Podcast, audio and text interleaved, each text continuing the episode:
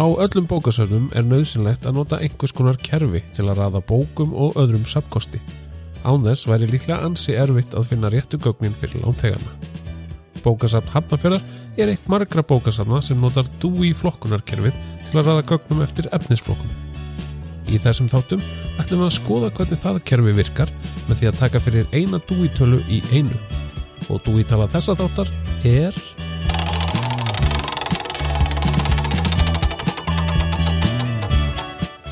398,2 Ég vil benda áhugasumum á fyrsta þáttin í þessari serju fyrir smámeis formóla um efnisflokkunarkerfi DUIs. Í þessum þætti bætist aðeins við flokkunartölunar frá því sem við höfum verið að skoða því það er komin tala á eftir komu. En áður en ég skoða hvað það þýðir þá ætla ég að byrja á að fara yfir fyrstu þrjártölunar eins og ég hef gert í fyrir þáttum. Aðalflokkurinn á þessu sinni er 300 flokkurinn. Sáflokkur nær yfir félagsvísindi. Það á við um atferðlisvísindi og félagsfræðilegar aðtöðanir. Sálfræði er þó ekki þarna undir, hún er í 150. Undir félagsvísindi heyra til dæmis stjórnmálafræði, hagfræði, lögfræði, félagsfræði, mannfræði, ofinberð stjórnsísla, mentun, viðskiptafræði og fleira. Okkar tala er í sviðinu 390 sem næri yfir þjóðfræði, siðvenjur og kurteisisvenjur. Þar er meðal annars átt við þjóðhætti og þjóðháttarfræði. Undir þessu sviði skiptist það svo niður í enn fleiri flokka til að mynda fjallar efni í 391 um klæðaburð og útlitt, 392 fjallar um daglegar venjur og heimilislíf en 393 um útfarasiði. Flokkurinn 398 fjallar um þjóðfræði, þjóðsögur og þjóðtrú. Í þeim flokki er efni sem fjallar um uppbruna, innihald og hlutverk þjóðsagna og þjóðtrúar sem menningarlegra og félagslegra fyrirbæra. En í undirfloknum 398,2 erum við með þjóðsögurnar sjálfar. Þar undir falla ævintýri, bókmyndaleg umfjöllun og gaggríni á þjóðsögur og þvergreinaritt um góðsagnir. Þegar kemur að þessum efnisflokk þá komum við ekki að tómum kofanum hjá bókasafni Hafnarfjörðar. Þegar ég fletti tölunu upp í gegni kom upp 313 niðurstöður bara hérna á bókasafninu. Það var í oflant mála að fara yfir þetta allt en við langar að taka nokkur dæmi um áhugavert efni í þessum flokki sem hægt er að finna á safninu okkar. Elsta bókin til dæmis sem við eigum í flok, þessum flokki er geimt í kjallarnum Bókin heitir Íslenskar þjóðsugur og ævintýri og kom út í tveimur bindum árin 1862 og 1864. Jón Árnason sapnaði saman þjóðsugum fyrir þessa bók. Áður hafði hann gefið út bókina Íslensk ævintýri árið 1852. En þessi bók, Íslenskar þjóðsugur og ævintýri, var hans mistraverk.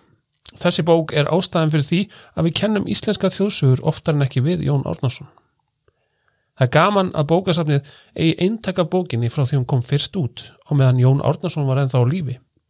Vegna aldus þá eru bækunar ekki til útlánsjá okkur en það er að fá þær í svo kallu lestrasalsláni fyrir þá lánþega sem vilja glugga í bækunar á safninu hjá okkur.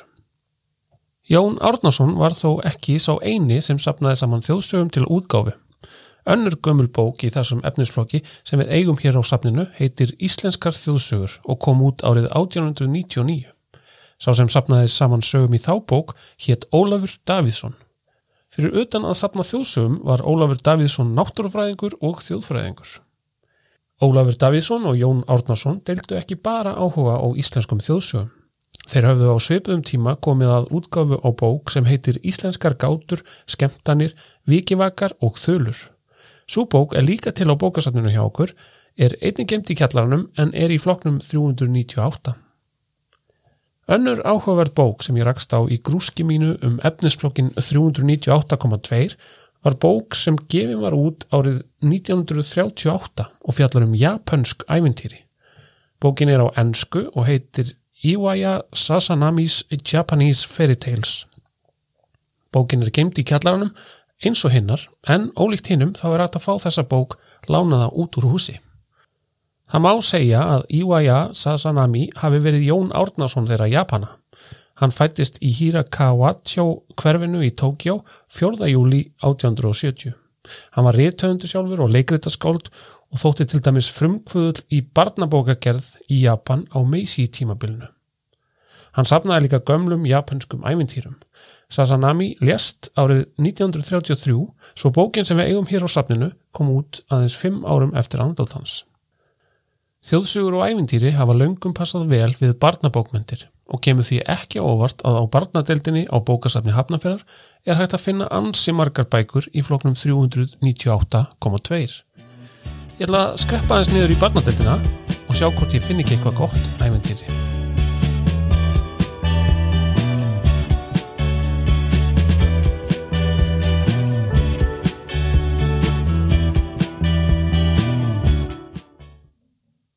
Þá er ég komin aftur út úr rappreiminum og ætla að fara niður á barnadeldinum.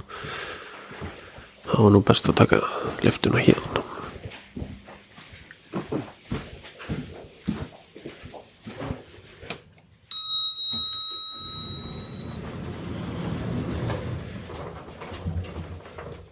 barnadildin hjá okkur er í rauninni sérhæð, hún er hvorki fyrsta hæðin í önnurhæð, heldur svona pallur mitt á milli þetta komast upp uh, tröpp, um tröppur á, sem er hinum með við afgjörslega hjá okkur eða ég falla með því að velja B í luftinni, B-takan.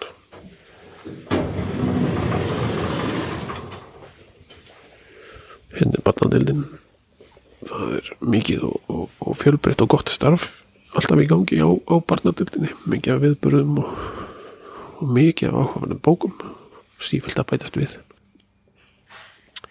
398,2 er í rauninni alveg við afgæðsluborði hérna hjá okkur. Það er ansi margt hérna í búði sem að og svo sabrit eða ævintýra sögur einstöka ævintýri eða, eða mörg saman. Því þú sögur, þetta er hérna í flett, flettir ekka og upp í hillu. Mæli með að að þið kíkja á það. Mm, sérstaklega ef þið eru með börn þá, þá, er, er margt áhugavert að sjá þar sé nú hérna strax uh, kunnuleg, kunnulegan teknistýl eftir uh, Brian Pilkington. Hann að ég hugsa að ég grípina bók eftir hann og, og fara með upp á þriðæð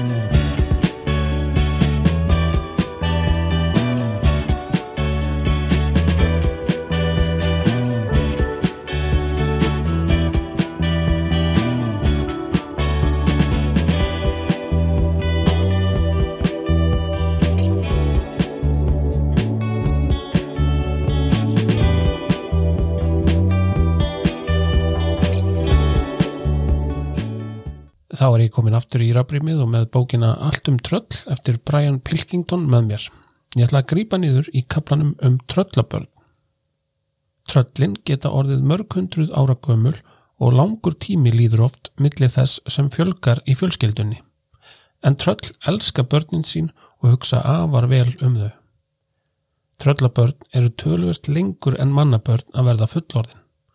Þau fara ekki að ganga fyrir um tíu ára aldur og önnur tíu ár líða venjulega áður en þau byrja að tala. Þar sem tröllabigð er þétt alast tröllakrakkarnir upp saman fyrstu 50 árin og skiptast á gamlir þursar og skessur á um að gæta þeirra millið þess sem þau fá sér lúr. Tröllin sofa sífælt meira eftir því sem þau eldast. Þau eldstu sofa jafnvel nokkra mánuði í senn en börnin sofa sjaldan lengur en fá einar vikur. Í sólarlausum heimi tröllana er lítill munur á nóttu og degi og það ríkja önnu lögmál en við þekkjum. Þar geta allir hafta eins og þeim sínist og ráðið sínum vökutíma og svefntíma.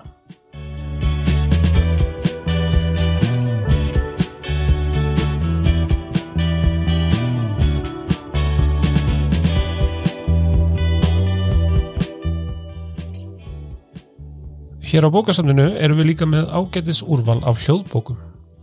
Áður fyrir var þeim dreift um safnið en núna höfum við tekið allar hljóðbækur saman og geymum þær núna á fyrstu hæðinni. Þar eru allir flokkarnir saman á einum stað. Í hljóðbókasafninu er hægt að finna fjölmarkar hljóðbækur sem innihalda þjóðsugur og ævintýri. Þegar ég fór niður á bandadeildina þá greip ég líka með mér eitt disk í leðinni. Þessi diskur heitir Skrimslasugur og var gefin út af komedíuleikúsinu árið 2013. Kablinn sem ég ætla að spila fyrir ykkur núna heitir Haldur og Skrimslið. Haldur og Skrimslið Haldur Smiður Jónsson er sögumir menn kalla kúða, næmur maður og minnugur, var einu sinna á ferð úr Eskifjörðakaupstað í söður Múlasíslu og lá leið hans út eftir norðurströnd reyðarfjörðar.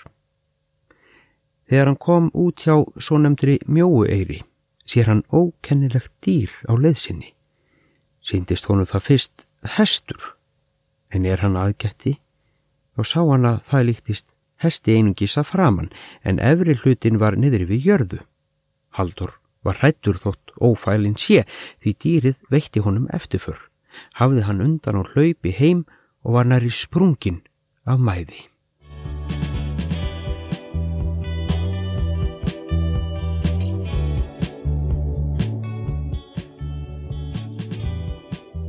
Það var Elvar Lógi Hannesson sem las skrimslasögur. Komendíleikustuð gaf út fleiri diska á þessum tíma um þjóðsögur og ævintýri og það má fá nokkra diska á bókasanninu hérna hjá okkur og hljóðbækunar eru á fyrstu hæðinni eins og áður saði. En það var ekki fleira í þessum þætti í byli. Verið sæl.